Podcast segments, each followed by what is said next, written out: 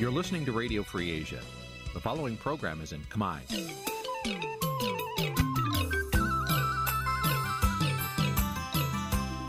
Nǐ chi càm bi tiệp xáy vệt chiu a zì sê ray នេះជាកម្មវិធីផ្សាយរបស់ Vithu Azisari ជាភាសាខ្មែរ វត្តឈូអាស៊ីសេរីសូមស្វាគមន៍លោកអ្នកនាងទាំងអស់ពីរដ្ឋធានី Washington នៃសហរដ្ឋអាមេរិក ចាប់ពីរដ្ឋធានី Washington នាងខ្ញុំម៉ៃសុធានីសូមជម្រាបសួរលោកអ្នកស្ដាប់ទាំងអស់ជាទីមេត្រី ចាយើងខ្ញុំសូមជូនការផ្សាយសម្រាប់ព្រឹកថ្ងៃពុទ្ធ600ខែបោះឆ្នាំថោះបัญចស័កពុទ្ធសករាជ2567ហើយដល់ត្រូវនឹងថ្ងៃទី31ខែមករាគ្រិស្តសករាជ2024ជាដំបូងនេះសូមអញ្ជើញលោកអ្នកនាងកញ្ញាស្ដាប់ព័ត៌មានប្រចាំថ្ងៃដែលមានមេត្តាដូចតទៅ អង្គការដំឡាភិបអន្តរជាតិរកឃើញថាអំពើពុករលួយនៅកម្ពុជា ក្នុងឆ្នាំ2023អាក្រក់ជាងឆ្នាំមុនអ្នកវិភាគថាលោកកឹមសុខានឹងគ្មានវាសនាវិលចូលឆាកនយោបាយវិញឡើយលោកនាយករដ្ឋមន្ត្រីហ៊ុនម៉ាណែត បន្ទោសកសិករនិងគ្រោះធម្មជាតិរឿងខ្វះទឹកធ្វើស្រែ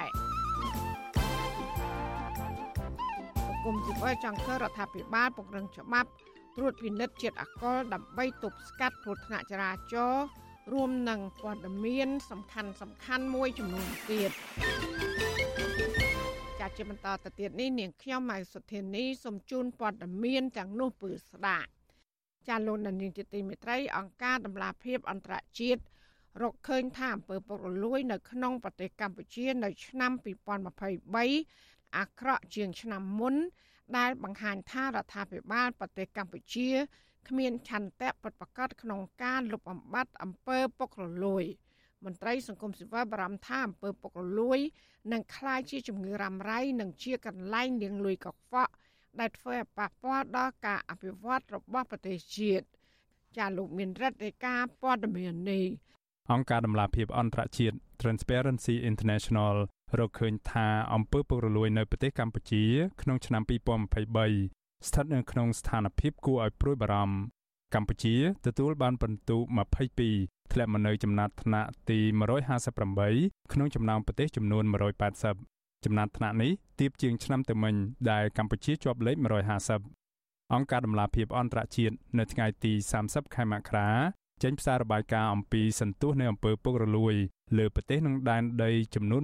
180នៅក្នុងនោះរួមទាំងប្រទេសកម្ពុជាផងសន្ទុះនៃអំពើពុករលួយឬ CPI របស់កម្ពុជា ក្នុងឆ្នាំ2023នៅតែទាបជាងមធ្យមភាពពិន្ទុក្នុងតំបន់និងនៅលើសកលលោកក្នុងតំបន់អាស៊ាន កម្ពុជាស្ថិតនៅជិតបាតតារាង ដោយនៅតែពីលើប្រទេសមីយ៉ាន់ម៉ាឬភូមាមួយតែប៉ុណ្ណោះដែលទទួលបានពិន្ទុ20 ចំណែកឯនៅតំបន់អាស៊ីប៉ាស៊ីហ្វិកវិញកម្ពុជាមានលេខរៀងទាបជាងគេបំផុតទី4ដោយនាំមុខតែប្រទេសអាហ្វហ្គានីស្ថានមីយ៉ាន់ម៉ាឬភូមានិងកូរ៉េខាងជើងសន្ទុះនៃអំពើពុករលួយរបស់ប្រទេសកម្ពុជាឆ្នាំ2023បង្ហាញឲ្យឃើញពីកង្វះខាតឆន្ទៈរបស់រដ្ឋាភិបាលក្នុងការប្រយុទ្ធប្រឆាំងនឹងអំពើពុករលួយ នៅក្នុងឆ្នាំកន្លងទៅនិងរូបភាពដ៏គួរឲ្យព្រួយបារម្ភនៃបញ្ហាប្រឈមរ៉ាំរ៉ៃនានា ក្នុងនោះរួមមានដូចជាកង្វះប្រសិទ្ធភាពនៅក្នុងការផ្ដន់ទាទោមន្ត្រីប្រព្រឹត្តអំពើពុករលួយ ការប្រើប្រាស់ធនធានដោយមិនត្រឹមត្រូវនិងយន្តការកណន័យភាពនៅទុនខ្សោយនៅឡើយក្រៅពីនេះកម្ពុជានៅមានហានិភ័យខ្ពស់ក្នុងការទទួលសំណូកនឹងការប្រព្រឹត្តអំពើពុករលួយនៅក្នុងប្រតិបត្តិការអាជីវកម្មប្រចាំថ្ងៃប្រព័ន្ធតឡាការដែលមិនដំណើរការនិងកំណត់អធិបុលនៃផលប្រយោជន៍របស់ក្រុមមនុស្សមួយភាគតូច ប្រធានអង្គការដំឡាភិបអន្តរជាតិលោក François Valerian លើកឡើងនៅក្នុងរបាយការណ៍ថាអំពើពុករលួយនឹងមិនបន្តរីកធំធាត់នោះទេ នៅពេលដែលប្រព័ន្ធយុតិធធអាចដាក់ទោសកំហុសអ្នកប្រព្រឹត្តខុសនិងមានអំណាចត្រួតពិនិត្យទង្វើរបស់រដ្ឋាភិបាលលោកបន្តថានៅពេលប្រព័ន្ធយុតិធធត្រូវបានកេតេញឬជ្រៀតជ្រែកបែបនយោបាយនោះនោះនឹងនាំឲ្យពលរដ្ឋខ្លាចជាអ្នកឈឺចាប់ លោកជំរុញឲ្យមេដឹកនាំឬរដ្ឋាភិបាលពង្រឹងប្រព័ន្ធស្ថាប័នឲ្យមានឯករាជ្យនិងអនុវត្តច្បាប់ឲ្យមានប្រសិទ្ធភាពទើបអាចបិទបញ្ចប់ការប្រព្រឹត្តអំពើពុករលួយបានវិសុវអាស៊ីស្រីមិនអាចសុំការឆ្លើយតបជុំវិញរឿងនេះពីអ្នកនាំពាក្យនាយករដ្ឋមន្ត្រីលោកមាសសុភ័ណ្ឌនិងអ្នកនាំពាក្យរបស់អង្គភាពប្រឆាំងអំពើពុករលួយ លោកសច័ន្ទវិចិត្របាននៅឡើយទេកាលពីថ្ងៃទី30ខែមករា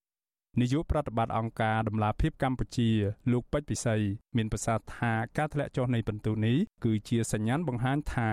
ការប្រយុទ្ធប្រឆាំងនឹងអំពើពុករលួយរបស់កម្ពុជា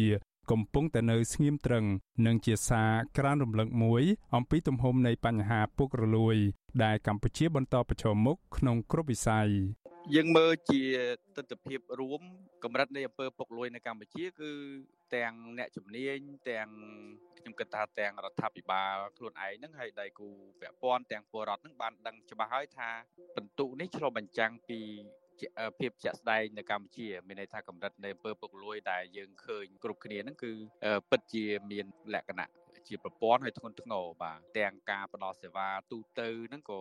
ជោគជាំដោយអំពើពុករលួយទាំងអំពើពុករលួយខ្នាតធំហ្នឹងក៏យើងមានប្រទេសដែលទទួលបានចំណាត់ថ្នាក់លេខ1នៃការប្រយុទ្ធប្រឆាំងនឹងអំពើពុករលួយ គឺប្រទេសដាណាម៉ាកចំណែកឯប្រទេសដែលទទួលបានចំណាត់ថ្នាក់បាត់តារាងវិញ គឺបានទៅលើប្រទេសសូម៉ាលី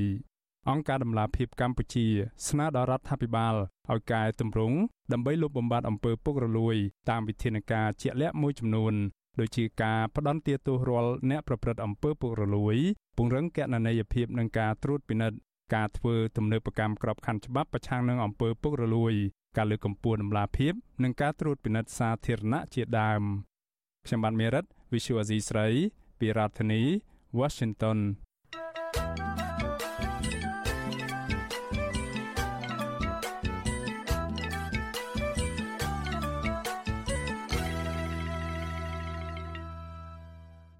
ចាលោកនានីជាទីមេត្រីមេធាវីកាពីក្តីឲ្យលោកកឹមសុខា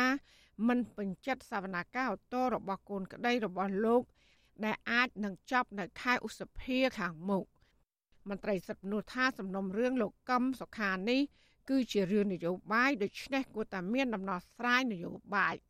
ចា៎នេះគឺជាសកម្មភាពពុស្ដារបស់កញ្ញាខណ្ឌលក្ខណាជំវិញព័ត៌មាននេះ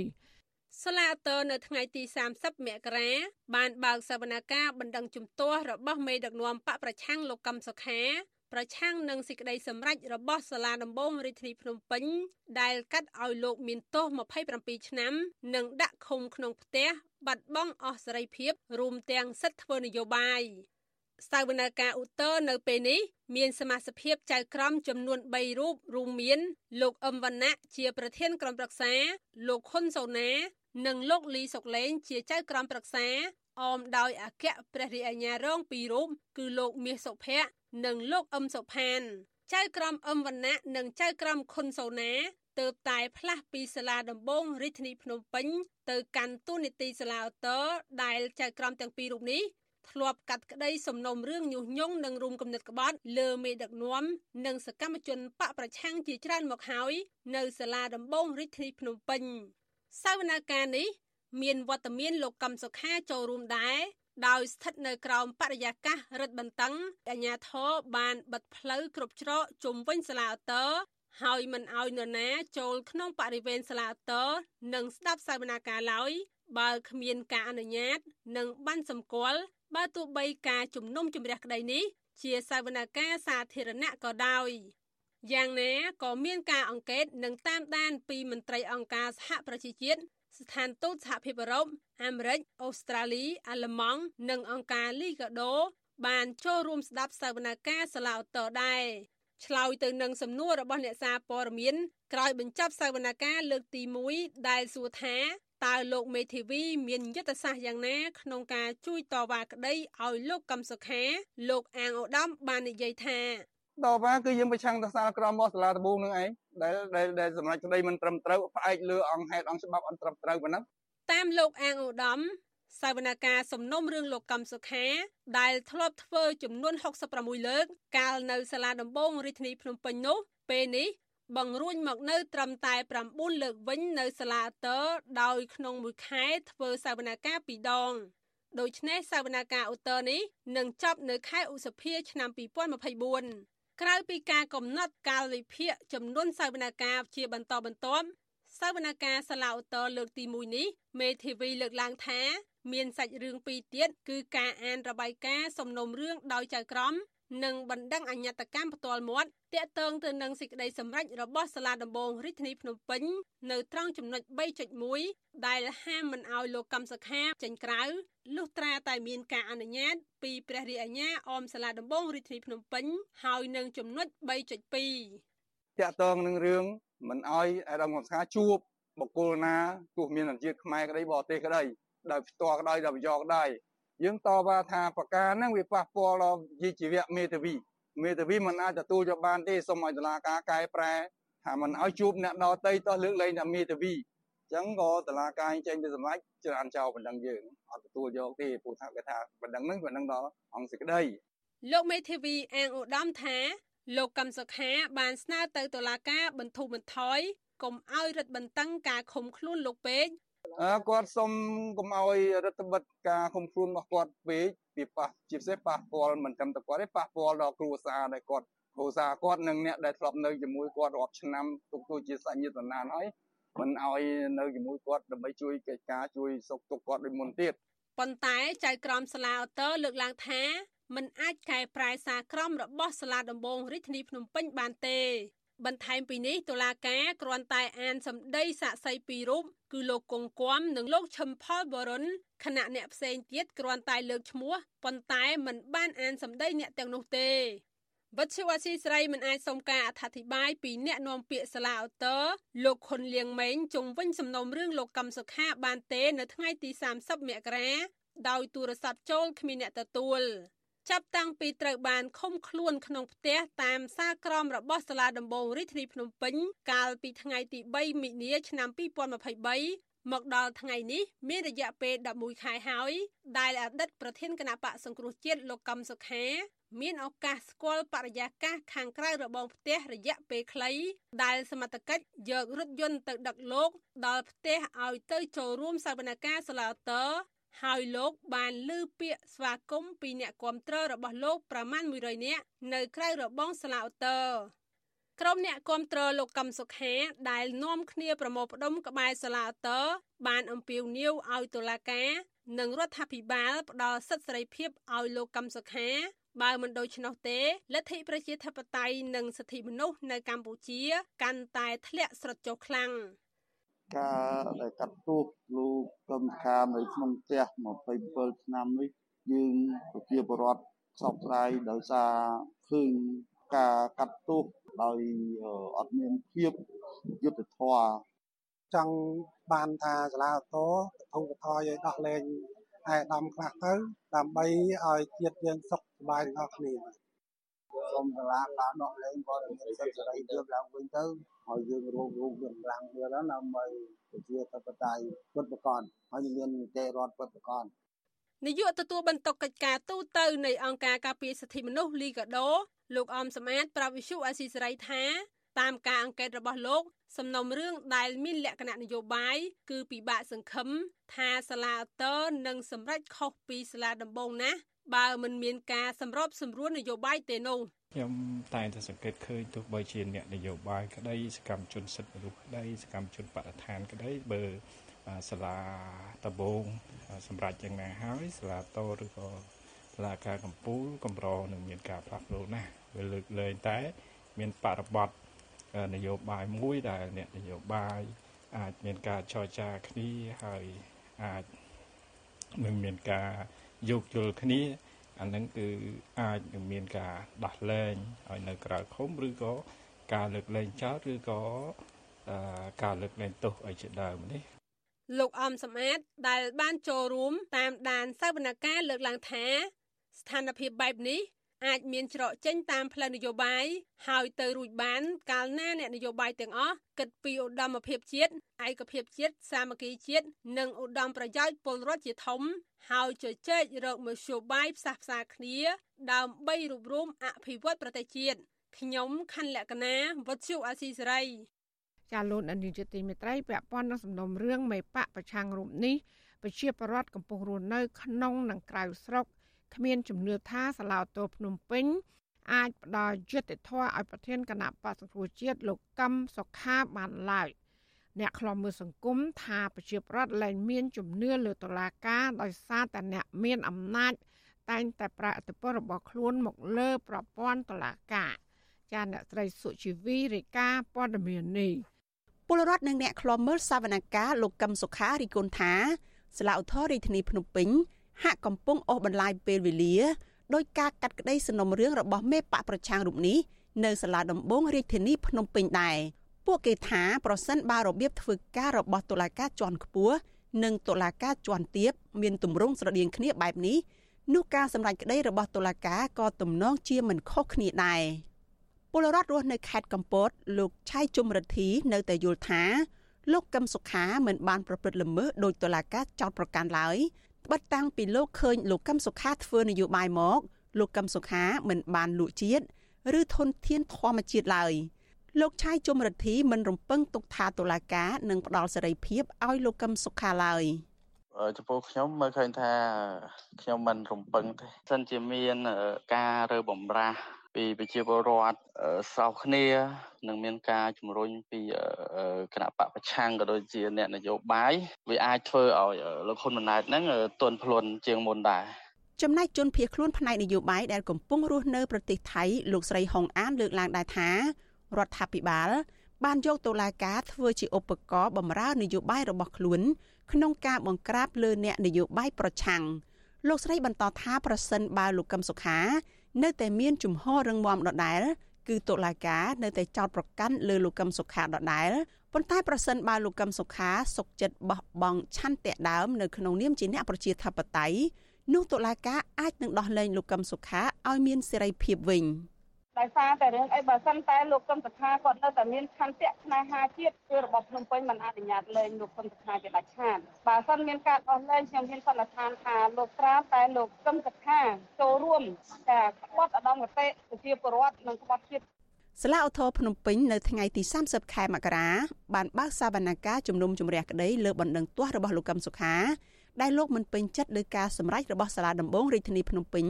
ដែលបានផ្ដន្ទាទោសលោកឲ្យជាប់ឃុំនៅក្នុងផ្ទះរយៈពេល27ឆ្នាំព្រមទាំងបានដកហូតសិទ្ធិសំខាន់នានារបស់លោកក្នុងសំណុំរឿងទោសក្បត់ជាតិបើទោះជាយ៉ាងណាទម្រាំមកដល់ពេលបើកសវនកម្មនេះស្លាវធរបានប្រើពេលអស់ជាច្រើនខែដែលបានធ្វើឲ្យប៉ះពាល់ទៅដល់សិទ្ធិនិងប្រយោជន៍របស់មេបកប្រឆាំងនេះរួចទៅហើយពីព្រោះលោកកឹមសុខាបានប្តឹងទាស់នឹងការសម្រេចរបស់សាលាដំបងរាជធានីភ្នំពេញតាំងពីខែមិនិនាឆ្នាំ2023មកម្លេះ។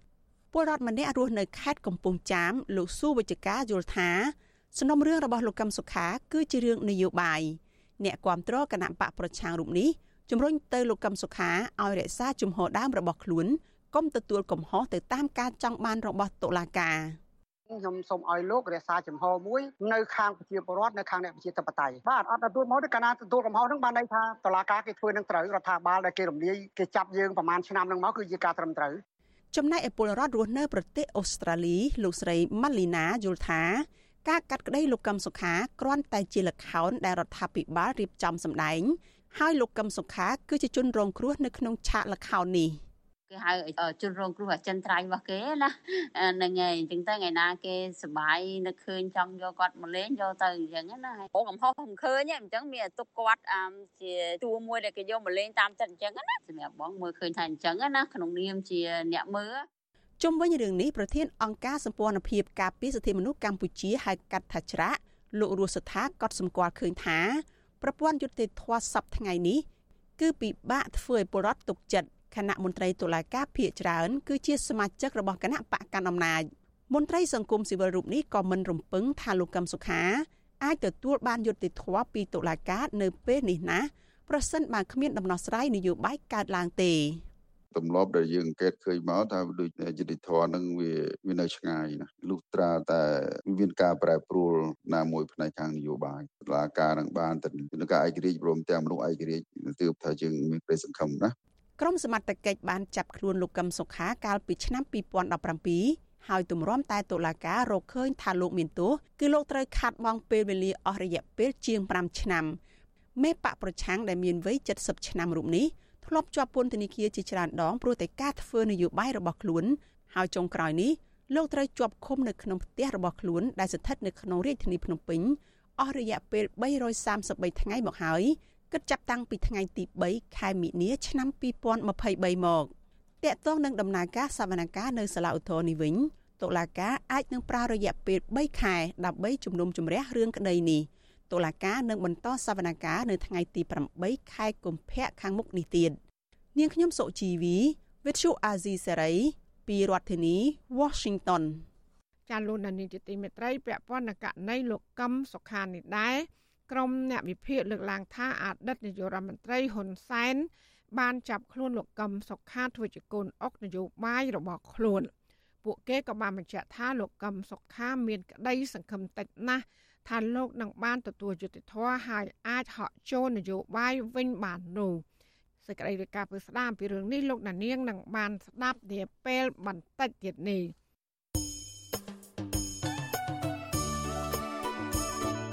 នៀងកញ្ញាជាទីមេត្រីដំណើរគ្នានឹងស្ដាប់ការផ្សាយរបស់វិទ្យុអសីស្រី តាមបណ្ដាញសង្គម Facebook YouTube និង Telegram លោកដានៀងក៏អាចស្ដាប់ការផ្សាយរបស់យើងតាមរយៈរលក ធាតុអាកាសខ្លីឬ Shortwave តាមកម្រិតនិងកម្ពស់ដូចតទៅចាប់ពីព្រឹកចាប់ពីម៉ោង5កន្លះដល់ម៉ោង6កន្លះតាមរយៈប៉ុស SW 93.90 MHz ស្មើនឹងកម្ពស់ 32m និងប៉ុស SW 11.85 MHz ស្មើនឹងកម្ពស់ 25m ចាសម្រាប់ពេលយប់វិញ គឺចាប់ពីម៉ោង7កន្លះដល់ម៉ោង8កន្លះគឺតាមរយៈប៉ុស SW 93.30 MHz ស្មើនឹងកម្ពស់ 32m ប៉ុស SW 11.88 MHz ស្មើនឹងកម្ពស់ 25m និងប៉ុស SW 15.15 MHz ស្មើនឹងកម្ពស់ 20m ចាសសូមអរគុណ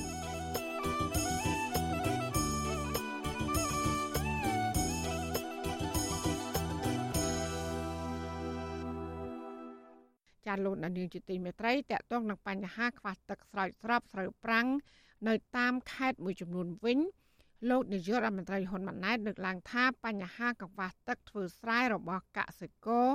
នៅរដូវប្រាំងនេះ គឺដោយសារតែកសិករបង្កើនការដាំដុះនិងមានគ្រោះរាំងស្ងួត អ្នកជំនាញកសិកម្មយល់ថារដ្ឋាភិបាល គួរតែមានវិធានការច្បាស់លាស់ក្នុងការជួយដល់កសិករដោយមិនគួរទុកឲ្យពួកគាត់ រងគ្រោះម្ដងហើយម្ដងទៀតទេនោះចាលោកថាថៃរាយការណ៍ព័ត៌មាននេះ ថ្មីត្បិតតែលោកហ៊ុនម៉ាណែតប្រកាសថារដ្ឋាភិបាលរបស់លោកនៅតែផ្ដល់អត្ថប្រយោជន៍ខ្ពស់លើវិស័យកសិកម្មក្តីក៏មកទល់ពេលនេះកសិករនៅតែត្អូញត្អែអំពីការខ្វះទឹកធ្វើស្រែនិងតម្លៃកសិផលទាបលោកហ៊ុនម៉ាណែតថ្លែងក្នុងពិធីបិទសន្និបាតបូកសរុបការងារឆ្នាំ2023និងលើកទិសដៅការងារឆ្នាំ2024របស់ក្រសួងកសិកម្មនៅរសៀលថ្ងៃទី30មករាថាមូលហេតុដែលអាជ្ញាធរខេត្តមួយចំនួនហាមប្រជាកសិករមិនឲ្យធ្វើស្រែនៅរដូវប្រាំងឆ្នាំនេះ ព្រោះមានគ្រោះរាំងស្ងួតហើយកសិករសម្រុកដាំដុះតាមគ្នាដោយសារតែតម្លៃស្រូវកើនឡើងខ្ពស់លោកបន្តថាក្រសួងធនធានទឹកនិងរដ្ឋបាលខេត្តចំនួន10បានតាមដាននិងជួយអន្តរាគមន៍សង្គ្រោះស្រូវស្រែជាង20000ហិកតារបស់ប្រជាកសិករក្រៅពីបន្ទោសទៅលើគ្រោះធម្មជាតិនិងកសិករនោះលោកហ៊ុនម៉ាណែតបានបានបង្ហាញពីវិធានការជួយសង្គ្រោះកសិករតាមរយៈការផ្តល់ជំនួយផ្សេងផ្សេងនិងវិធានការជាក់លាក់ជួយកសិករកុំឲ្យរងគ្រោះផ្ទួនផ្ទួនពីគ្រោះធម្មជាតិនោះទេ អញ្ចឹងបានកន្លងទៅមានគេសួរថាហេតុអីបានខេត្តខ្លះចេញការណែនាំមិនឲ្យប្រជាជនធ្វើស្រូវប្រាំងជុំទី2ទឹកនៅក្នុងអាងរបស់យើងគឺប្រើប្រាស់ទាំងស្រូវទាំងសម្រាប់ប្រជាជនប្រើប្រាស់អញ្ចឹងការធានារបស់យើងគឺត្រូវគិតនៅក្នុងផែនការជាក់ស្ដែងការជួយសង្គ្រោះរបស់រដ្ឋបាលខេត្តជាច្រើនបានទាន់ពេលវេលាគឺខ្ញុំសូមអរគុណដែរចំពោះការຕົកទឹកនៅរដូវវស្សាហើយការប្រើប្រាស់ប៉ុន្តែក៏យើងឃើញថាទំហំទឹករបស់យើងក៏បាន ធ្លាក់ចុះមួយចំនួនហើយកន្លែងខ្លះទៀតយើងក៏បានធានាបាននៅការដោះស្រាយបញ្ហាស្ទើរជារៀងរាល់ឆ្នាំប្រជាកសិករខ្មែរតែងតែរងគ្រោះផ្ទួនផ្ទួនដូចជានៅរដូវប្រាំងជួបគ្រោះរាំងស្ងួតនិងរដូវវស្សាជួបគ្រោះទឹកជំនន់ជាដើមជាក់ស្ដែងកាលពីឆ្នាំ2023កសិករជាង20000គ្រួសារបានរងគ្រោះដោយទឹកជំនន់ហើយនៅដើមឆ្នាំនេះបែរជាជួបគ្រោះរាំងស្ងួតកសិករខ្លះដោយអស់សង្ឃឹមលើអាញាធរពួកគាត់បានត្រឹមតែលើកដៃអង្វរមេឃប៉ុណ្ណោះ នៅឆ្នាំខ្លះបើទោះបីជាកសិករផលិតបានក៏លក់កសិផលបានតម្លៃថោកហើយយកទៅចាក់ចោលគោដូចភ្នំរោគតែលុយសងធនាគារមិនបានផងខុសឆ្ងាយពីកសិករនៃប្រទេសជិតខាងដែលអាចមានលទ្ធភាពយកលុយទៅផ្ញើធនាគារកន្លងមកអាជ្ញាធររដ្ឋាភិបាលកម្ពុជាមិនត្រឹមតែបន្ទោសលើកសិករទេថែមទាំងគំរាមកំហែងនិងចាប់ខ្លួនកសិករមិនឲ្យតវ៉ាឬរិះគន់លើបណ្ដាញសង្គម Facebook ទៀតផង ទីប្រឹក្សាបច្ចេកទេសរបស់អង្គការសាមគ្គីភាពកសិករលោកឌីគុនធាថ្លែងថារដ្ឋាភិបាលគូតែត្រេកអរដែលកសិករលក់ស្រូវបានថ្លៃនិងបង្កើនលទ្ធភាពធ្វើស្រែជាពិសេសនៅតាមខេត្តជាប់បឹងទន្លេសាបនិងដងទន្លេមេគង្គលោកបន្តថារដ្ឋាភិបាលគូតែទទួលស្គាល់នៅជំងឺអសមត្ថភាពរបស់ខ្លួនឯងជាច្រើនអាណត្តិមកហើយក្នុងការផ្ដល់ប្រព័ន្ធទឹកស្រោចស្រពដូចជាប្រឡាយមេប្រឡាយរងស្រះទឹកអណ្ដូងទឹកកសិកម្មព្រមទាំងអាងនិងទំនប់ទឹក ដើម្បីស្តុកទឹកនៅរដូវវស្សាសម្រាប់ទុកប្រើប្រាស់នៅរដូវប្រាំង។ ហេតុអីបានជាអ៊ីស្រាអែលកែប្រែដីរបស់គេពីទឹករិចរើគ្រោះរាំងស្ងួតនឹងឲ្យទៅជាដីដែលមានជីជាតិមានន័យថាអ៊ីស្រាអែលគេចាប់ផ្ដើមទទួលយកអ្វីដែលជាប្រព័ន្ធបច្ចេកវិទ្យាថ្មីថ្មីឧទាហរណ៍ដូចជាប្រព័ន្ធស្រោចស្រពចឹងចឹងអ៊ីស្រាអែលគេប្រើគ្រប់មធ្យោបាយដើម្បីឲ្យប្រព័ន្ធស្រោចស្រពនោះស្រោចស្រពគ្របដណ្ដប់លើផ្ទៃដីកសិកម្មដែលអាចធ្វើកសិកម្មដំណាំបន្លែផ្លែឈើបានគ្រប់រដូវក្រៅពីនឹងអ៊ីស្រាអែលគេមានគោលនយោបាយទីផ្សារសម្រាប់ជួយលើកទឹកចិត្តដល់កសិករបង្កើនការផលិតរហូតដល់គេធានានៅនឹងតម្លៃមិនឲ្យកសិករខាតបង់ទៅលើមុខរបរកសិកម្មរបស់គាត់ទេរដ្ឋាភិបាលអ៊ីស្រាអែលគេយកចិត្តទុកដាក់ណាងាកទៅប្រទេសយើងវិញយើងមានធនធានធម្មជាតិតាំងពីបឹងទន្លេបលាយត្រពាំងអីអីស្ទឹងជាពិសេសបឹងទន្លេសាប តែយើងខ្វះសមត្ថភាពនៅក្នុងការបកកើតយ៉ាងអានស្តុកទឹកឬក៏បន្លាយមេដើម្បីតាក់ដើម្បីយកទឹកពីតំបន់ដែលមានសក្តានុពលធម្មជាតិឲ្យស្រេចកន្លងមកប្រជាកសិករនិងអង្គការសង្គមស៊ីវិលតែងទៅលើកឡើងថាដើម្បីលើកស្ទួយវិស័យកសិកម្មនោះរដ្ឋាភិបាលកម្ពុជាក៏បីពន្លឿនដំណោះស្រាយបញ្ហាប្រឈមនានាដែលទាក់ទងដល់គ្រប់ផ្នែកនៃសង្វាក់ផលិតកម្មចាប់តាំងពីបង្កើនប្រព័ន្ធធារាសាស្ត្រការដាំដុះការកែច្នៃរហូតដល់ការនាំចេញ ពលគឺកុំឲ្យគោលនយោបាយមានតែនៅលើក្រដាស់ខ្ញុំថាថៃពីទីក្រុងមែលប៊នចាលោកនានីជាទីមេត្រីមន្ត្រីសង្គមស៊ីវិលនិងអ្នកជំនាញចង់ឃើញរដ្ឋាភិបាលពង្រឹងច្បាប់ត្រួតពិនិត្យជាតិអាល់កុលនិងដាក់ពិន័យលើក្រុមហ៊ុនស្រាបៀរដែលផ្សព្វផ្សាយពាណិជ្ជកម្មស្រាបៀរហួសហេតុបង្កឲ្យមានគ្រោះថ្នាក់ចរាចរណ៍ការលើកឡើងនេះស្របពេលដែលអគ្គស្នងការដ្ឋាននគរបាលជាតិ ចាប់ផ្ដើមរឹតបន្តឹងច្បាប់ចរាចរណ៍ផ្លូវគោកនិងត្រួតពិនិត្យជាតិអាល់កុលខណៈដែលម្ចាស់ក្រុមហ៊ុនស្រាបៀរមួយចំនួន មានទួនាទីនៅក្នុងស្ថាប័នរដ្ឋចាលោកយ៉ងច័ន្ទរារាយការណ៍ព័ត៌មាននេះអ្នកជំនាញនិងមន្ត្រីអង្គការសង្គមស៊ីវិលជំរុញឲ្យរដ្ឋាភិបាលពង្រឹងការអនុវត្តច្បាប់ឲ្យមានដំណាភាពជាជាងបង្កើតយុទ្ធនាការត្រួតពិនិត្យជាតិអាល់កុលក៏ប៉ុន្តែមិនទប់ស្កាត់ការផ្សាយពាណិជ្ជកម្មស្រាបៀរនៅតាមដងផ្លូវ ប្រធានមជ្ឈមណ្ឌលប្រជាពលរដ្ឋដើម្បីអភិវឌ្ឍនិងសន្តិភាពលោកយងកំឯងប្រាប់វិទ្យុអាស៊ីសេរីនៅថ្ងៃទី30មករាថារដ្ឋាភិបាលនឹងមិនអាចទប់ស្កាត់គ្រោះថ្នាក់ចរាចរណ៍ដែលបណ្ដាលមកពីអ្នកបើកបរស្រវឹងបាននោះឡើយប្រសិនបើការអនុវត្តច្បាប់គ្មានដំណាភាពលោកសង្កេតឃើញថាម្ចាស់ក្រុមហ៊ុនស្រាបៀរមួយចំនួនមានតួនាទីនៅក្នុងជួររដ្ឋាភិបាលដែលបញ្ហានេះធ្វើឲ្យការអនុវត្តច្បាប់មិនមានប្រសិទ្ធភាពឡើយ។ សារអស់នឹងអត់មានឥទ្ធិពលទេបាទហើយក៏អត់មានប្រសិទ្ធភាពដែរទោះបីគេប្រើសារត្រឹមត្រូវនោះក៏វាមិនជាសូវមានប្រសិទ្ធភាពដែររឿងប្រសិទ្ធភាពគឺច្បាប់ដែលសម្រាប់ការគ្រប់គ្រងផលិតផលគ្រឿងសង្វឹងនេះត្រូវតែចេញហើយគឺត្រូវប្រើប្រាស់វិធានការដែលរបស់រដ្ឋបាទដើម្បីបង្កើនទប់ស្កាត់ដូចជាការត្រួតពិនិត្យជារកុលដូចជាការដាក់កម្រិតទៅលើការផ្សាយពាណិជ្ជកម្មគ្រឿងសង្វឹងបាទប្រតិកម្មរបស់មន្ត្រីអង្គការសង្គមស៊ីវិលនេះ គឺក្រោយពីរដ្ឋាភិបាលបានដាក់ចេញនូវយុទ្ធនាការត្រួតពិនិត្យជាតិអាល់កុលនិងរឹតបន្តឹងច្បាប់ចរាចរណ៍នៅតាមដងផ្លូវក្នុងរាជធានីភ្នំពេញក៏ប៉ុន្តែគ្រោះថ្នាក់ចរាចរណ៍បង្កឡើងដោយអ្នកបើកបរស្រវឹងនៅតែបន្តកើតឡើងជាក់ស្ដែងករណីគ្រោះថ្នាក់ចរាចរណ៍ដ៏រន្ធត់មួយបានកើតឡើងកាលពីថ្ងៃទី20ខែមករានៅក្រោមស្ពានអាកាសឫស្សីកែវបង្កឡើងដោយមន្ត្រីក្រសួងសេដ្ឋកិច្ចម្នាក់ដែលស្ថិតនៅក្នុងស្ថានភាពស្រវឹងបើករថយន្ត Ford បុករះរថយន្តនិងម៉ូតូជាច្រើនគ្រឿង បណ្ដាលឲ្យស្លាប់មនុស្សចំនួន4នាក់និងច្រើនអ្នកទៀតរងរបួសពេញផ្លូវទន្ទឹមទៅនឹងការដាក់ចេញនៅបទបញ្ជាត្រួតពិនិត្យជាតិអកុលដើម្បីទប់ស្កាត់គ្រោះថ្នាក់ចរាចរណ៍ក្រុមហ៊ុនស្រាបៀរហនុមានដែលសហការជាមួយក្រុមហ៊ុនដឹកជញ្ជូន Grab នៅថ្ងៃទី30ខែមករាបាននាំគ្នាធ្វើយុទ្ធនាការដង្ហែក្បួនដោយមានភ្ជាប់សារថា ស្រវឹងសូមកំបាក់បចូលរួមកាត់បន្ថយគ្រោះថ្នាក់ចរាចរណ៍នៅលើដងផ្លូវក្រុមហ៊ុនស្រាបៀរមួយនេះ ក៏ឆ្លៀតផ្សាយពាណិជ្ជកម្មកេងចំណេញលើអាជីវកម្មរបស់ខ្លួនដែរគឺឲ្យអ្នកផឹកស្រាបៀរហនុមានដែលស្រវឹងអាចហៅសេវាដឹកជញ្ជូន Grab ជិះដោយឥតគិតថ្លៃដោយកំណត់ចំនួនមនុស្ស1000នាក់ដំបូងជាងនេះទៅទៀតក្បួនដង្ហែរបស់ក្រុមហ៊ុនស្រាបៀរមួយនេះសុទ្ធសឹងតែយកឡានទំនើបទំនើបនិងថ្លៃថ្លៃមកបើកដង្ហែវិទ្យុអាស៊ីសេរីមិនទាន់អាចតាក់ទងអគ្គស្នងការនគរបាលជាតិលោកសថេតនិងអ្នកនាំពាក្យក្រសួងពាណិជ្ជកម្មលោកប៉ែនសុវិជាតិ ដើម្បីសុំការបកស្រាយអំពីរឿងនេះបានទេ នៅថ្ងៃទី30មករាវិទ្យុអាស៊ីសេរីក៏មិនទាន់អាចតាក់ទងតំណាងក្រុមហ៊ុនស្រាបៀរហនុមានដើម្បីបកស្រាយអំពីរឿងនេះបានដែរនៅថ្ងៃដដែលនេះជុំវិញបញ្ហានេះអ្នកជំនាញផ្នែកចរាចរណ៍និងជាគ្រូបង្រៀនបើកបរលោកអៀងសីហាថ្លែងថាក្រុមហ៊ុនស្រាបៀរហនុមានមិនមែនជួយទប់ស្កាត់កុំឲ្យមានគ្រោះថ្នាក់ចរាចរណ៍នោះទេក៏ប៉ុន្តែក្រុមហ៊ុនមួយនេះបែរជាលើកទឹកចិត្តឲ្យប្រជាពលរដ្ឋខ្មែរផឹកស្រាបៀរកាន់តែច្រើន លោកបន្តថាការដាក់ចេញនូវយុទ្ធនាការត្រួតពិនិត្យជាតិអាល់កុលមិនអាចជួយធ្វើឲ្យគ្រោះថ្នាក់ចរាចរណ៍ថមថយឡើយក៏ប៉ុន្តែលោកថារដ្ឋាភិបាលគួរតែបង្កើនច្បាប់រឹតបន្តឹងទៅលើម្ចាស់ក្រុមហ៊ុនស្រាបៀរទាំងនោះវិញ។សំណូមពរឲ្យរដ្ឋាភិបាលអាណត្តិទី7នាយករដ្ឋមន្ត្រីយើងហ្នឹងឲ្យគាត់ដិតបន្តឹងកន្លែងលក់ក៏ដោយដោយកន្លែង Beer Garden អញ្ចឹងគឺកំណត់ឲ្យគាត់ប្រមាណកំប៉ុងអញ្ចឹង4 5កំប៉ុង6កំប៉ុងគឺអូខេហើយបើធ្វើអញ្ចឹងបានគឺល្អប៉ុណ្ណាលោកអៀងសីហាបន្ថែមទៀតថា អ្នកបើកបរដែលស្រវឹងមិនអាចគ្រប់គ្រងការបើកបររបស់ខ្លួនបានឡើយហើយកម្រិតល្បឿននៃរថយន្តដែលបុកឲ្យមនុស្សស្លាប់គឺចាប់ពីកុងទ័រ60គីឡូម៉ែត្រក្នុង1ម៉ោងឡើងទៅខណៈក្រុមហ៊ុនស្រាបៀរមួយចំនួនកំពុងបង្កើនការផ្សព្វផ្សាយរបស់ខ្លួនឲ្យកាន់តែមានលក្ខណៈទ្រង់ទ្រាយធំនោះគេសង្កេតឃើញក្រុមហ៊ុនហនុមានហាក់ផ្សព្វផ្សាយលើកទឹកចិត្តខ្លាំងឲ្យប្រជាពលរដ្ឋប្រើប្រាស់គ្រឿងស្រវឹងដូចជាឲ្យពលរដ្ឋចូលរួមកោះក្រវិលកំពង់ស្រាបៀរទទួលបានរង្វាន់លុយ30000ដុល្លារជាដើម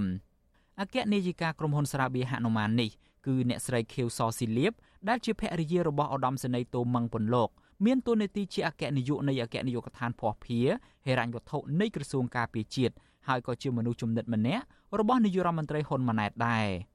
មន្ត្រីសង្គមស៊ីវិលស្នើឲ្យរដ្ឋាភិបាលអនុវត្តច្បាប់ឲ្យមានដំណាភាពជាពិសេសរដ្ឋាភិបាល ត្រូវតែបង្កើតឲ្យមានច្បាប់គ្រប់គ្រងគ្រឿងស្រវឹងដើម្បីកុំឲ្យប្រជាពលរដ្ឋស្លូតត្រង់ត្រូវរងគ្រោះដោយសារតែអ្នកបើកបរនៅក្នុងស្ថានភាពស្រវឹងបន្តទៅទៀតនោះខ្ញុំយ៉ងច័ន្ទដារាវិទ្យុអាស៊ីសេរី Washington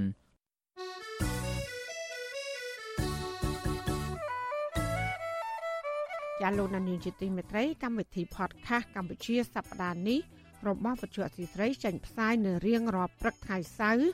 នៃសប្តាហ៍នីមួយៗមកនៅប្រទេសកម្ពុជាចាសសូមប្រិយមិត្តស្វែងរកនិងស្ដាប់ podcast របស់យើង នៅលើកម្មវិធី podcast របស់ Apple, Google និង Spotify ដោយគ្រាន់តែសរសេរពាក្យថាកម្ពុជាសប្តាហ៍នេះឬ Cambodia This Week នៅក្នុងប្រអប់ស្វែងរកតែយើងក៏នឹងចាប់ផ្សាយ podcast នេះឡើងវិញ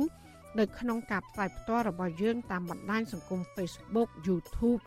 និង Telegram នៅរៀងរាល់យប់ថ្ងៃច័ន្ទចាសសូមអរគុណ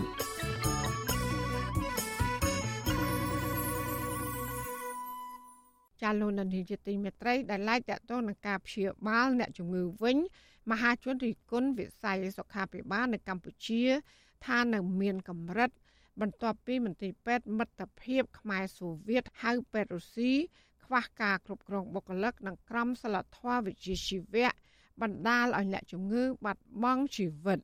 អ្នកវិភាគនិងអ្នកតាមដានការពិវត្តសង្គមលើកឡើងថាកត្តាទាំងនេះហើយដែលធ្វើប្រវត្តិកម្ពុជាអស់ជំនឿលើវិស័យសុខាភិបាលក្នុងស្រុក ហើយបរដ្ឋងាកទៅរកសេវាសុខាភិបាលនៅក្រៅស្រុកវិញ ដែលជាហេតុនាំឲ្យខាតបង់ប្រាក់ចំណូលរបស់ជាតិចាលោកសេកបណ្ឌិតមានសេចក្តីរាយការណ៍ពុស្ដាជំវិញព័ត៌មាននេះដូចតទៅអ្នកប្រើប្រាស់បណ្ដាញសង្គមម្នាក់មានឈ្មោះថា ស្រីពេជ្រធូកាលពីថ្ងៃទី29មករាបានបង្ហោះសារចោទប្រកាន់ថាមន្ទីរពេទ្យមិត្តភាពខ្មែរសូវៀតឬហៅថាមន្ទីរពេទ្យរុស្ស៊ី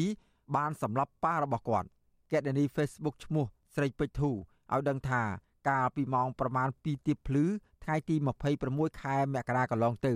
គាត់និងម្ដាយបានដឹកឪពុកទៅមន្ទីរពេទ្យរុស្ស៊ីប៉ុន្តែពេលដឹកទៅដល់មន្ទីរពេទ្យមិនមានក្រុមគ្រូពេទ្យគ្រប់គ្រាន់ ដើម្បីលើកប៉ារបស់គាត់នោះទេ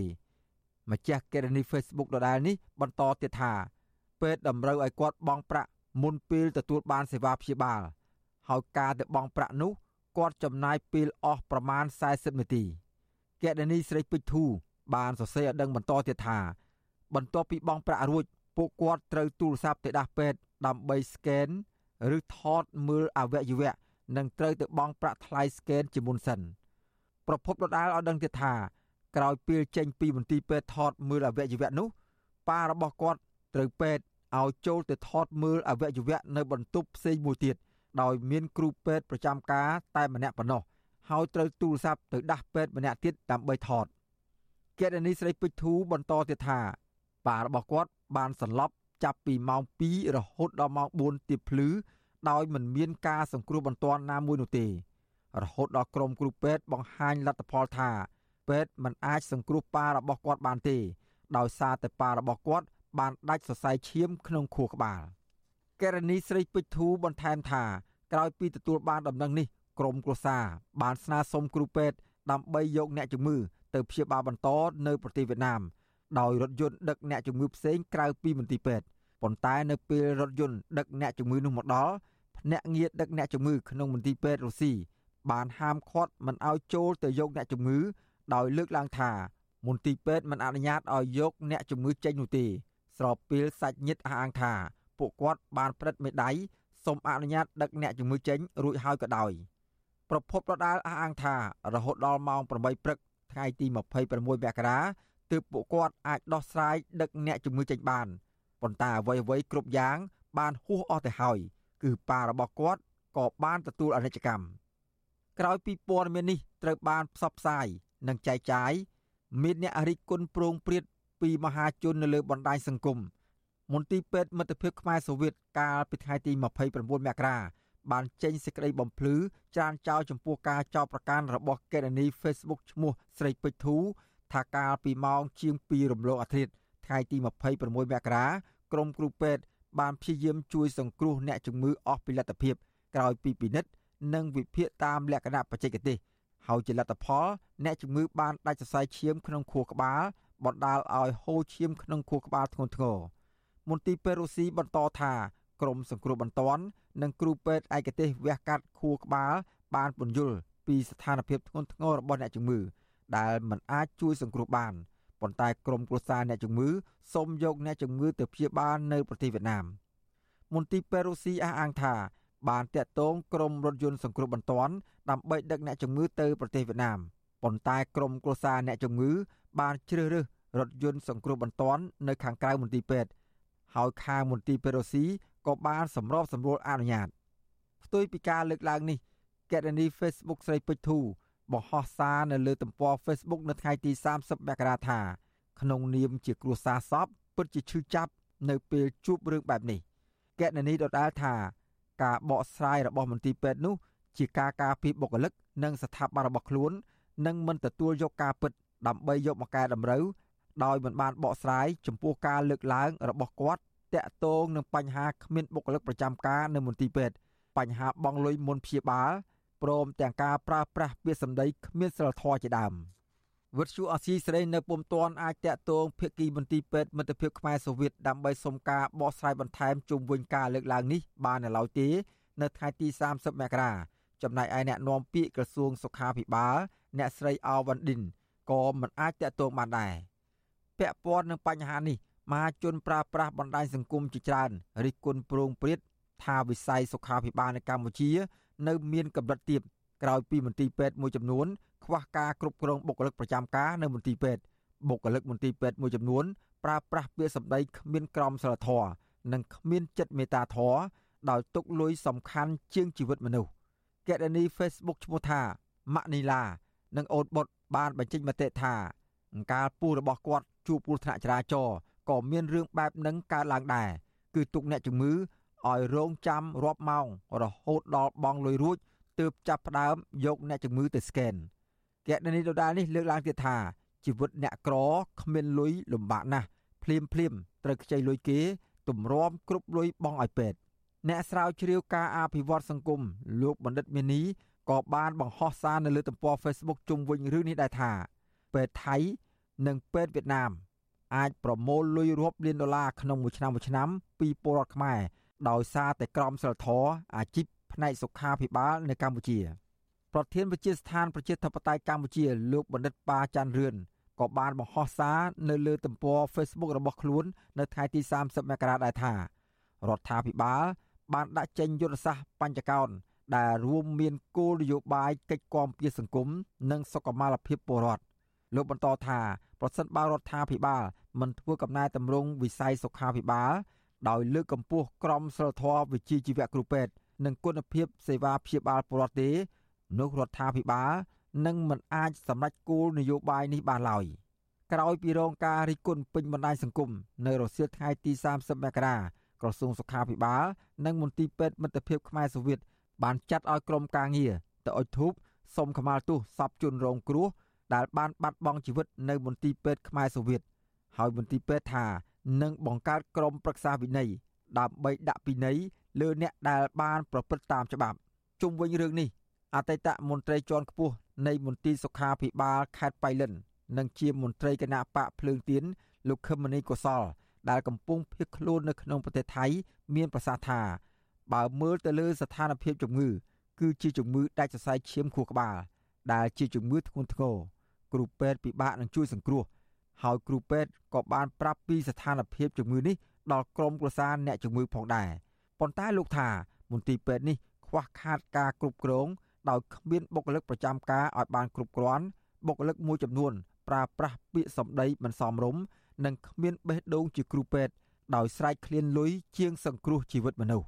អញ្ចឹងសូមឲ្យប្រធានស្ថាប័នប្រធានមន្ទីរពេទ្យឬក៏អ្នកទទួលខុសត្រូវហ្នឹងហ៊ានណាហ៊ានហ៊ានទទួលស្គាល់ការពិតថាអ្វីដែលជាចំណុចខ្វះខាតរបស់ខ្លួនហើយអ្វីដែលយើងបានបំពេញល្អហើយយើងការពារអ្វីដែលយើងបានបំពេញល្អទៅអ្វីដែលខ្វះខាតយើងត្រូវតែទទួលស្គាល់ហើយយើងតាំងចិត្តថានឹងកែលម្អនៅចំណុចអស់ហ្នឹងទៅវាវាអាចដោះស្រាយបញ្ហាបានហើយបាទទោះយ៉ាងណាក្រមគ្រួសារសពដែលបានបាត់បង់ជីវិតនៅមន្ទីរពេទ្យមិត្តភាពខ្មែរសូវៀត និងពលរដ្ឋដទៃទៀតទទូចឲ្យរដ្ឋាភិបាលធ្វើកំណែតម្រង់លើវិស័យសុខាភិបាលនៅកម្ពុជា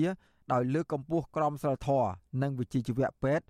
និងដាក់ពិន័យធ្ងន់ធ្ងរចំពោះបុគ្គលិកសុខាភិបាល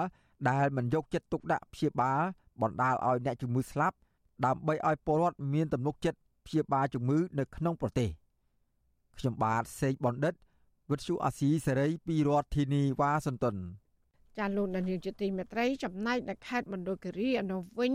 ជនជាតិដើមប្រទេសភ្នងចោតក្រុមហ៊ុនវិឡាអភិវឌ្ឍថាបានដាក់ថ្នាំបំពុលងាប់គោរបស់ពលរដ្ឋអស់ជាច្រើនក្បាល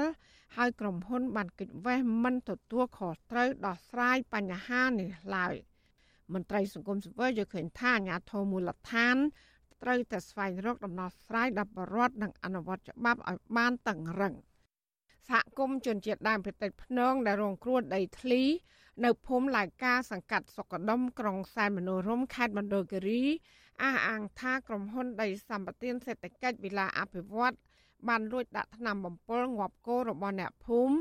អស់ជាង10ក្បាលហើយក្រុមហ៊ុនបានកិច្ចវេះមិនព្រមដោះស្រាយឲ្យបរដ្ឋអ្នកភូមិក៏បានស្នើទៅអាជ្ញាធរពាក់ព័ន្ធត្រូវតែចាត់វិធានការទៅលើក្រុមហ៊ុនវិឡាអភិវឌ្ឍនិ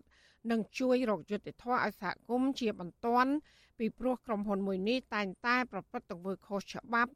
និងរំលោភបំពានសហគមន៍ជាបន្តបន្ទាប់តំណាងសហគមន៍ភូមិឡាយកាលោកស្រីភ្លេកភិរមប្រាប់បច្ចុប្បន្នស្រីនៅថ្ងៃទី30ខែមករាថាគោរបស់សហគមន៍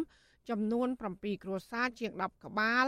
ត្រូវបានក្រុមហ៊ុនវិឡាអភិវឌ្ឍដាក់ថ្នាំបំពុលងាប់ហើយក្រុមហ៊ុនកិច្ចវេះមិនចង់ទទួលខុសត្រូវ។ លោកស្រីចាត់ទុកទង្វើទាំងនេះថាជាការរំលោភបំពាន និងជាការតាមធ្វើទុកបុកម្នេញទៅលើសហគមន៍របស់លោកស្រីដោយសារកន្លងទៅសហគមន៍តែងតែចេញមុខតវ៉ាទាមទារដីធ្លីដែលក្រុមហ៊ុនបានរំលោភបំពាន គោលបំណងគឺយកដីធ្លីពួកយើងហើយសម្រាប់ទ្រព្យសម្បត្តិពួកយើងទៀតជាមានយុទ្ធធរសម្រាប់ពួកខ្ញុំទេរាល់ថ្ងៃនឹងយកដីហើយដូចខ្ញុំថាអញ្ចឹងវាគ្មានយុទ្ធធរសម្រាប់ពួកខ្ញុំទេជាជនជាតិដើមភាគតិចជាម្ចាស់ស្រុកជាម្ចាស់ដើមកំណើតក្រុមហ៊ុននឹងមកពីចំណាក់ស្រុកមកកាន់កាប់ក្បាលរបស់ពួកពួកខ្ញុំបង្ខិតបង្ខំពួកខ្ញុំឲ្យខ្លាចជាទីស្គាល់របស់ពួកគេសមាជិកសហគមន៍ភូមិលាកាម្នាក់គឺលោកស្រីភ្លេកណាវីឲ្យដឹងថាគោរបស់លោកស្រីចំនួន3ក្បាលបានងាប់ នៅក្នុងបរិវេណក្រុមហ៊ុននិងមានវត្ថុតាងជាច្រើន ដើម្បីបញ្ជាក់ថាក្រុមហ៊ុនមួយនេះបានដាក់ថ្នាំបំពុលឲ្យងាប់គោរបស់អ្នកភូមិចំណែកអាជ្ញាធរមូលដ្ឋានវិញក៏បានឃើញវត្ថុតាងទាំងនោះនៅក្នុងបរិវេណក្រុមហ៊ុនដែរហើយរហូតមកដល់ពេលនេះក្រុមហ៊ុនមិនទាន់ចេញមុខដោះស្រាយនៅឡើយលោកស្រីបន្ថែមថាសហគមន៍ក៏បាននាំគ្នាចិញ្ចឹមគោ ដើម្បីទុកគ្រាន់លក់យកប្រាក់ផ្គត់ផ្គង់ជីវភាពគ្រួសារបន្ទាប់ពីក្រុមហ៊ុនមួយនេះបានរំលោភយកដីស្រែចម្ការនិងព្រៃឈើដែលសហគមន៍ធ្លាប់អាស្រ័យផល។ រកយុទ្ធធរឲ្យពួកខ្ញុំមកដោយសារតាដីពួកខ្ញុំហ្នឹងក៏ក្រុមហ៊ុនយកដែរហើយដល់ពេលដើមជួពួកខ្ញុំទៀតក៏ក្រុមហ៊ុននឹងយកហើយដល់ពេលឥឡូវហ្នឹងទៀតពួកខ្ញុំចំកោក្បីទៀតក៏ក្រុមហ៊ុនបំពល់អញ្ចឹងណាអញ្ចឹងធ្វើម៉េចឲ្យពួកខ្ញុំរស់នៅមិនកើតអញ្ចឹងណាហើយពួកខ្ញុំថែមទៅជាពាក្យធនាគារអីអញ្ចឹងទៀតអញ្ចឹងសូមសូមរកយុទ្ធធរឲ្យពួកខ្ញុំផងអញ្ចឹងជុំវិញរឿងនេះវត្ថុអសីស្រីមិនអាចតកតងចៅសង្កាត់សុកដុំ គឺអ្នកស្រីណេតឆាយានិងតំណាងក្រុមហ៊ុនវិឡាអភិវឌ្ឍដើម្បីសុំការអធិប្បាយបានទេ នៅថ្ងៃទី30ខែមករាដោយសារតែទូរស័ព្ទហៅចូលតែគ្មានអ្នកទទួលចំណែកឯស្នងការនគរបាលខេត្តមណ្ឌលគិរីលោកឡាវសុខាវិញ មានប្រសាសន៍ថាលោកមិនបានដឹងព័ត៌មាននេះទេ តែយ៉ាងណាលោកនឹងដាក់កម្លាំងឲ្យចុះទៅមើលករណីនេះ ខាងដូចចលៅកាយណាមានពលគូឯណាដូចខ្ញុំនៅនឹងដូចគ្មានឃើញអីផងហើយអ្នកណាគេចាហ្នឹងចាំមើលខ្ញុំចាត់ចែងឲ្យចង់ទៅមើលមួយសារទៀតមើលខ្ញុំដូចអត់មានអត់មានទូមានអីផងបាទបាទតកតងនឹងបញ្ហានេះដែរមន្ត្រីសម្របសម្រួលសមាគមអាត់ហុកប្រចាំខេត្តបណ្ឌុយគិរីលោកប៊ីវ៉ាន់នីយកឃើញថារដ្ឋាភិបាលមុនផ្ដោតដីសម្បត្តិសេដ្ឋកិច្ចតែឲ្យក្រុមហ៊ុនឯកជនណាមួយគួរតែរកដំណោះស្រាយសមរម្យ ឲ្យបរដ្ឋនៅតំបន់នោះជំនន់សិន ដើម្បីកុំឲ្យមានការចងគំនុំនឹងគ្នា រហូតដល់បំផ្លាញទ្រព្យសម្បត្តិបែបនេះលោកបន្ថែមថាអាជ្ញាធរត្រូវតែសិក្សាស្រាវជ្រាវរកការពិត និងរកដំណោះស្រាយឲ្យបានត្រឹមត្រូវដើម្បីកុំឲ្យមានការគុំគួនទៅថ្ងៃក្រោយទៀត។ យើងសង្ឃឹមថាអាជ្ញាធរនឹងជួយរយុទ្ធធរនឹងបដិយុទ្ធធរជូនប្រជាពលរដ្ឋហើយយុទ្ធធរនឹងនឹងធ្វើឲ្យប្រជាពលរដ្ឋនឹងទទួលយកបាននៅយុទ្ធធរក្នុងការដោះស្រាយរបស់អាជ្ញាធរនឹងឯងអ្នកភូមិឋាននេះមិនមែនជាលើកទី1ទេដែលក្រុមហ៊ុននេះតាមធ្វើទុកបុកម្នេញទៅលើប្រជាពលរដ្ឋបន្ទាប់ពីក្រុមហ៊ុនមួយនេះបានយកដីស្រែចម្ការរបស់ពួកគាត់ហើយបន្ថែមពីនេះក្រុមហ៊ុនវិឡាអភិវឌ្ឍ ក៏បានប្តឹងប្រជាប្រដ្ឋទៅតុលាការជាច្រើនករណីក្រុមហ៊ុនវិឡាអភិវឌ្ឍទទួលបានដីសម្បត្តិសេដ្ឋកិច្ចពីរដ្ឋាភិបាលលោកហ៊ុនសែនកាលពីឆ្នាំ2008លើផ្ទៃដីជិត800ហិកតាសម្រាប់ដំណាំកៅស៊ូដែលធ្វើឲ្យប៉ះពាល់ដីធ្លីរបស់ប្រជាពលរដ្ឋចំនួន250គ្រួសារដែលនៅមិនទាន់ដោះស្រាយនៅឡើយ។ លោកដានៀងជាទីមេត្រីក្នុងឱកាសនេះដែរនាងខ្ញុំសូមថ្លែងអំណរគុណចំពោះលោកដានៀងកញ្ញាដែលតែងតែមានភក្ដីភាព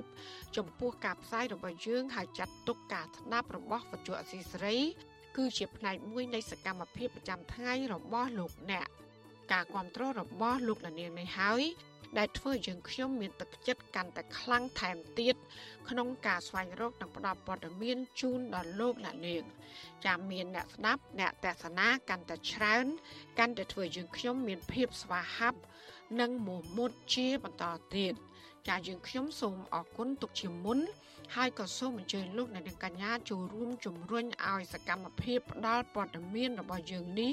កាន់តែជោគជ័យបន្ថែមទៀត។ ចាលោកដានៀងកញ្ញាឲ្យជួយយើងខ្ញុំបានដោយគ្រាន់តែចុចចែករំលែកឬ share ការផ្សាយរបស់យើង នៅលើបណ្ដាញសង្គម Facebook និង YouTube ទៅកាន់មិត្តភ័ក្តិរបស់លោកអ្នកដើម្បីឲ្យការផ្សាយរបស់យើងនេះ បានទៅដល់មនុស្សកាន់តែច្រើនចាសសូមអរគុណ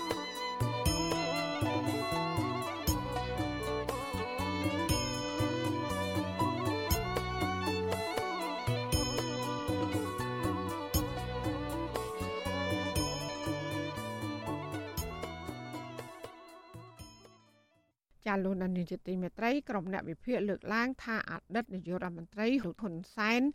បានចាប់ខ្លួនលោកកឹមសុខាដើម្បីធ្វើជាកូនអុកនយោបាយរបស់ខ្លួនពួកគេបញ្ជាក់ថាលោកកឹមសុខាមានក្តីសង្ឃឹមតិចណាស់ថាលោកនឹងទទួលបានយុត្តិធម៌ហើយអាចហក់ចូលនយោបាយវិញបាននោះការលើកឡើងនេះស្របពេលដែលសាឡាតូចាប់ផ្ដើមបើកសវនាការជំនុំជម្រះក្តី ករណីលោកកឹមសុខាដែលសាលាដំបងបានចោទពីទោសក្បត់ជាតិ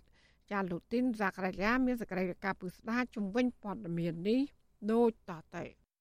ក្រុមនៃវិភាគលើកឡើងថាស្លាវធរលើកយកសំណុំរឿងលោកកម្មសខាមកជំនុំជម្រះនៅពេលនេះមិនមែនជារឿងចៃដន្យឡើយពួកគេអះអាងថាជារឿងរៀបចំឈុតឆាកនយោបាយទៅវិញទេអ្នកខ្លមើលផ្នែកអភិវឌ្ឍសង្គមលោកមនិតសេងសេរីមានប្រសាសន៍ថាលោកកម្មសខាប្រធានគណៈបកសង្គ្រោះជាតិ ត្រូវបានតុលាការចាប់ខ្លួន ដើម្បីធ្វើតេស្តសាកល្បងលើយន្តការនយោបាយបរទេសលោកបន្ថែមថាមកទល់ពេលនេះទោះបីជាកម្ពុជាបាត់បង់ប្រព័ន្ធអនុគ្រោះពន្ធក៏ដោយក៏ពេលនេះប្រទេសប្រជាធិបតេយ្យមួយចំនួនដូចជាអាមេរិកជាដើមមិនទាន់ធ្វើអ្វីលើរដ្ឋាភិបាលកម្ពុជាឲ្យបានធ្ងន់ធ្ងរនោះឡើយតាមពិតទៅមានមធ្យោបាយច្រើនណាស់ដែលគណៈបកកណ្ដាលអំណាចប្រើដើម្បីធ្វើតេស្តទៅលើប្រសិទ្ធភាពនៃយន្តការបរទេសក ន្លងមកយើងឃើញថាក៏មានការរិះគន់ឬក៏មានការលើកឡើងខ្លាំងខ្លាំងដែរថាការចាប់ខ្លួនឬក៏ការកាត់ទោសលោកកឹមសុខាហ្នឹងគឺមានផលអវិជ្ជមានកើតឡើងសម្រាប់កម្ពុជាទាំងនយោបាយនិងសេដ្ឋកិច្ចដូច្នេះហើយខ្ញុំមើលឃើញ បន្ទាប់ពីរឿងហ្នឹងមកក៏ស្រាប់តែគណៈបកកណ្ដាលអំណាចហ្នឹងប្រើកូនអុកលោកកឹមសុខានេះទៅធ្វើតេស្តមួយសាហើយមួយសាទៀតទៅលើថាតើយន្តការបរទេសទាំងនោះមានប្រសិទ្ធភាពប៉ុណ្ណាធ្វើឲ្យកម្ពុជាហ្នឹងបាក់ស្បាតឬក៏ធ្វើឲ្យកម្ពុជាហ្នឹងអន់ថយទៅបែបណារីឯអ្នកអត្ថាធិប្បាយនយោបាយលោកកឹមសុខវិញ មានទស្សនៈផ្ទុយពីនេះលោកកឹមសុខថាលោកហ៊ុនសែនបានបិទគប់លោកកម្មសខា និងគណៈបកសង្គ្រោះជាតិមិនឲ្យធ្វើនយោបាយបានដើម្បីការពារអំណាចរបស់តកូលហ៊ុន មិនមែនលោកកម្មសខាជាកូនអុកនយោបាយរបស់លោកហ៊ុនសែននោះឡើយហើយពាក្យថាគាត់ជាកូនអុករបស់លោកហ៊ុនសែននោះមិនទំនងជាត្រឹមត្រូវទេពីព្រោះអីរឿងហ៊ុនសែនចង់អុកឬក៏ហ៊ុនសែនមិនចង់អុកអានោះវាស្ថិតនៅក្រោមអំណាចនយោបាយរបស់ហ៊ុនសែនប៉ុន្តែកាលណាយើងប្រើពាក្យថាកឹមសុខាជាកូនអុករបស់ហ៊ុនសែនវាហាក់ដូចជាកឹមសុខានឹងចង់ឲ្យគេប្រើប្រាស់គាត់ជាកូនអុកដែរមិនមែនចង់ទេទៅស្នើតាមចិត្តចង់បានរបស់គាត់បានអញ្ចឹងហើយ ជាយុទ្ធវិធីរបស់គេទេដែលគេចង់បើកសវនាការពេលណាឬក៏មិនពេលណាមួយនោះមិនមែនគាត់ជាកូនអុកការបញ្ចេញទស្សនៈផ្សេងគ្នារបស់អ្នកតាមដានស្ថានភាពនយោបាយនៅពេលនេះនៅស្របពេលសាលាឧទ្ធរបានចាប់ផ្ដើមបើកសវនាការជំនុំជម្រះលើបណ្ដឹងទាស់សាលក្រមសាលាដំបងរាជធានីភ្នំពេញកាលពីឆ្នាំ2023សាលាឧទ្ធរបានកំណត់រយៈពេលបើកសវនាការជំនុំជម្រះលោកកម្មសខា9ដងហើយនឹងប្រព្រឹត្តទៅក្នុងរយៈពេល2សប្តាហ៍ម្ដង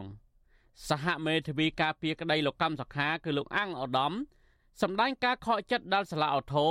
បដិសេធសំណើកូនក្តីរបស់លោកលោកមេធាវីបន្ថែមថាការកំណត់2សប្តាហ៍បើកសវនាការម្ដងគឺធ្វើឲ្យប៉ះពាល់ដល់សិទ្ធិកូនក្តីរបស់លោកដែលអស់បន្លាយពេលកាន់តែយូរក្រៅពីនេះតឡាការក៏បដិសេធសំណើរបស់លោកកម្មសុខាដើម្បីកាត់បន្ថយការរដ្ឋបတ်លោកដែលជាប់ឃុំខ្លួននៅក្នុងផ្ទះនេះដូចជាករណីហាមមិនឲ្យជួបកូនក្តីជាដើម ក៏ប៉ុន្តែសំណើទាំងនេះត្រូវបានសាលាឧទ្ធរបដិសេធចំណុច3 2ហ្នឹងបានតាក់ទងរឿងសិទ្ធិសេរីភាពនិងលទ្ធភាពរបស់មេធាវីក្នុងការជួបកូនក្តីហើយសាក្រមនៅសាសាក្រមនិយាយថាគាត់មិនអាចជួបអ្នកណាទាំងអស់បុគ្គលណាក៏ដោយជាតិខ្មែរក៏ដោយបរទេសក៏ដោយប្រយោលក៏ដោយតរក៏ដោយអត់បានទេរួមទាំងមេធាវីដែរអញ្ចឹងមេធាវីចង់ជួបតើទៅសុំតែយើងបញ្ជាក់ជាក់ឲ្យតែយើងធ្វើអត់បានទេយើងអត់សុំទេ ព្រោះខុសវិជ្ជាជីវៈរបស់យើងមេធាវីកាលណាមានមានកូនក្តីពឹងពាក់តែងតាំងជាមេធាវីហើយតឡាការទួលស្គាល់ហើយនឹងអាចជួបកូនក្តីនៅគ្រប់ទីកន្លែងនិងនៅគ្រប់រាល់ម៉ោងរដ្ឋបាលអញ្ចឹងណាអញ្ចឹងហើយតឡាការក៏ថយទៅពិចារណាហើយចូលវិញសម្រាប់បដិសេធបណ្ដោះសំណើបណ្ដឹងអញ្ញត្តិកម្មរបស់យើងចោលទៅស្លាដំបងរាជធានីភ្នំពេញបានកាត់ទោសឲ្យលោកកម្មសខាជាប់ឃុំក្នុងផ្ទះរយៈពេល27ឆ្នាំពីបទក្បត់ជាតិ ទោះជាយ៉ាងណាក្តីលោកកម្មសខាមិនទទួលយកសេចក្តីសម្រេចរបស់សាលាដំបងឡើយកាលពីខែមីនាឆ្នាំ2023ដែលលោកបានប្តឹងទាស់សហគមន៍ជាតិអន្តរជាតិក៏រិះគន់ចំណាត់ការរបស់តុលាការនេះថាជាការដើរខុសឆ្គងនៃប្រព័ន្ធយុតិធធអង្គការឃ្លាំមើលសិទ្ធិមនុស្សអន្តរជាតិ Human Rights Watch បានលើកឡើងថាសេចក្តីសម្រេចរបស់សាលាឧទ្ធររាជធានីភ្នំពេញនៅថ្ងៃទី30មករាបដិសេធមិនដកការរឹតបន្តឹងការចូលសួរសុខទុក្ខរបស់មេធាវីលោកកម្មសខា គឺជាទង្វើប្រឆាចពីស្តង់ដារសិទ្ធិមនុស្សអន្តរជាតិនិងបង្ហាញថាគ្រប់ទស្សនវិជ្ជាទាំងអស់ក្នុងការដោះស្រាយរបស់តុលាការលើសំណុំរឿងក្បត់ជាតិដែលចាប់ប្រកាន់លើលោកកម្មសខាគឺគ្មានមូលដ្ឋានមិនសេរី និងអយុត្តិធម៌អង្គការសិទ្ធិមនុស្សអន្តរជាតិ Human Rights Watch បានលើកឡើងថាការកាត់ទោសលោកកម្មសខានិងសមាជិកគណៈបកប្រឆាំងផ្សេងទៀតគឺជាការចោទប្រកាន់ដោយហេតុផលនយោបាយគួរឲ្យអស់សំណើច និងបង្ហាញពីការខ្វះខាតឯករាជ្យពេញលេញរបស់តុលាការកម្ពុជាសេចក្តីថ្លែងការណ៍រិះគន់ថាករណីនេះក៏បង្ហាញពីរបៀបដែលនាយករដ្ឋមន្ត្រីថ្មីរបស់កម្ពុជាមិនបានធ្វើអ្វីទាល់តែសោះដើម្បីដោះស្រាយបញ្ហាខ្វះនីតិរដ្ឋនិងសេរីភាពជាមូលដ្ឋាននៅក្នុងប្រទេសតើតើនឹងបញ្ហានេះលោកកឹមសុខព្យាករថាលោកកម្មសខានឹងមិនអាចវិលមកឆាននយោបាយកម្ពុជាវិញបានឡើយមានក្រមលោកសំរងស៊ីមានលោកសំរងស៊ីអីចូលរួម ខ្លាំងអាចដណ្ដើមអំណាចបានអញ្ចឹងហើយបានជាត្រូវបិទកម្មសុខាបិទគណៈបកសង្គ្រោះជាតិហើយគណៈបិទកម្មសុខាបិទគណៈបកសង្គ្រោះជាតិវាមានចរន្តនៃការផ្ដន់ទាខាងសេដ្ឋកិច្ចខាងការទូតរដ្ឋបတ်ជាច្រើន ពីសហគមន៍អន្តរជាតិដែរទោះបីជាបែបនេះក្តីលោកបណ្ឌិតសេងសេរីមានសុតិធិនិយមថាសាលាធរអាចនឹងផ្ដល់សិទ្ធិសេរីភាពជនលោកកម្មសខាវិញតែមិនផ្ដល់យុត្តិធម៌ទេលោកបន្ថែមថាការធ្វើដូច្នេះ រដ្ឋាភិបាលចង់លួងចិត្តសហគមន៍អន្តរជាតិវិញសេរីភាពរបស់លោកកឹមសុខាលើកនេះនឹងធ្វើឲ្យគណៈបកកណ្ដាលអំណាចទទួលបានផលប្រយោជន៍3ធំធំទី1ស្អំទឹកចិត្តបាទអំទឹកចិត្តរដ្ឋបរទេសណាអាចធ្វើឲ្យបរទេសឬក៏អាចធ្វើឲ្យប្រទេសមហាអំណាចឬក៏លោកសេរីនឹងមានអារម្មណ៍ថាកម្ពុជាដល់របត់មួយដែលមានការសម្របសម្រួលនយោបាយឡើងវិញទី2នឹងធ្វើឲ្យអ្នកប្រជាធិបតេយ្យដែលកំពុងប្រេះទៅជា2ចំណែកហ្នឹង នឹងអាចคล้ายទៅជាការប្រេះស្រាំជា3ចំណែកចំណុចទី3គឺនឹងស្អំស្ថានភាពនយោបាយផ្ទៃក្នុងនៅកម្ពុជាសាលាធរនឹងបើកសវនាការជំនុំជម្រះសំណុំរឿងលោកកម្មសខានេះនៅថ្ងៃទី8កុម្ភៈបន្តទៀតទោះជាយ៉ាងណាសហគមន៍ជាតិអន្តរជាតិនៅរងចាំអត់មើលលទ្ធផលចុងក្រោយដែលសវនាការជំនុំជម្រះក្តីនេះនឹងអស់ពេលដល់ខែឧសភាឆ្នាំ2024ខាងមុខខ្ញុំបាទទីនសាការីយ៉ាអស៊ីសេរី ប្រធានាធិបតី Washington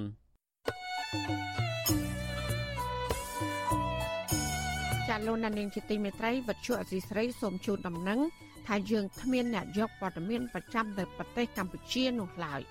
បើសិនជាមានជនណាម្នាក់អះអាងថាជាអ្នកយកព័ត៌មានអវិជ្ជាអសីស្រីនៅកម្ពុជានោះ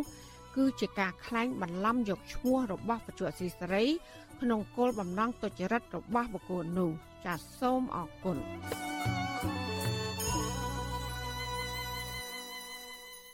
ចាលោកលានកញ្ញាអ្នកស្ដាប់ជាទីមេត្រីការផ្សាយរយៈពេល1ម៉ោងរបស់វិទ្យុអាស៊ីស្រីជាភាសាខ្មែរនៅពេលនេះចាប់តែប៉ុណ្ណេះចាយើងខ្ញុំទាំងអស់គ្នាសូមជូនពរលោកលាននិងក្រុមគ្រួសារទាំងអស់សូមជួបប្រកបតែនឹងសេចក្តីសុខសេចក្តីចម្រើន ជានិរន្តរ៍ ចានាងខ្ញុំម៉ៃសុធានីព្រមទាំងក្រុមការងារទាំងអស់របស់អសីស្រីសូមអរគុណនិងសូមជម្រាបលា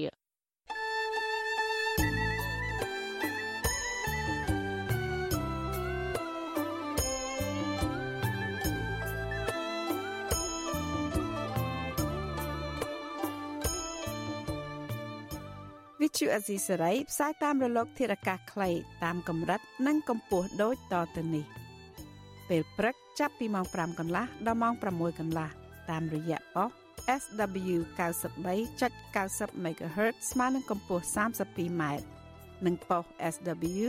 11.85 MHz ស្មើនឹងកម្ពស់ 25m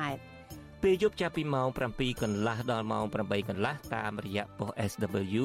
93.30 MHz ស្មើនឹងកម្ពស់ 32m